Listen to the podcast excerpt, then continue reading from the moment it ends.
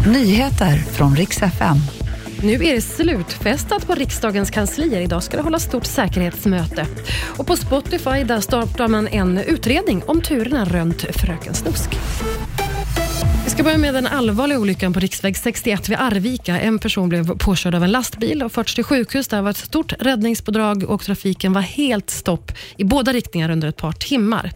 Norrlandskusten har annars drabbats hårdast av snökaoset. Även E4 har varit helt avstängd söder om Skellefteå där man har haft flera olyckor och snöröjning och halkbekämpning.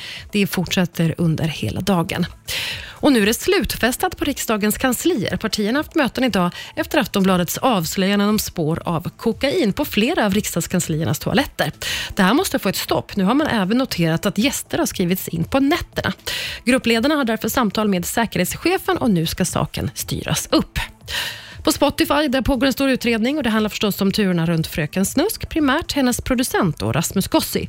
Enligt källor då ser Spotify mycket allvarligt på det här och misstankar om att de har manipulerat streams och köpt streams, alltså hur många gånger folk lyssnar på deras låtar.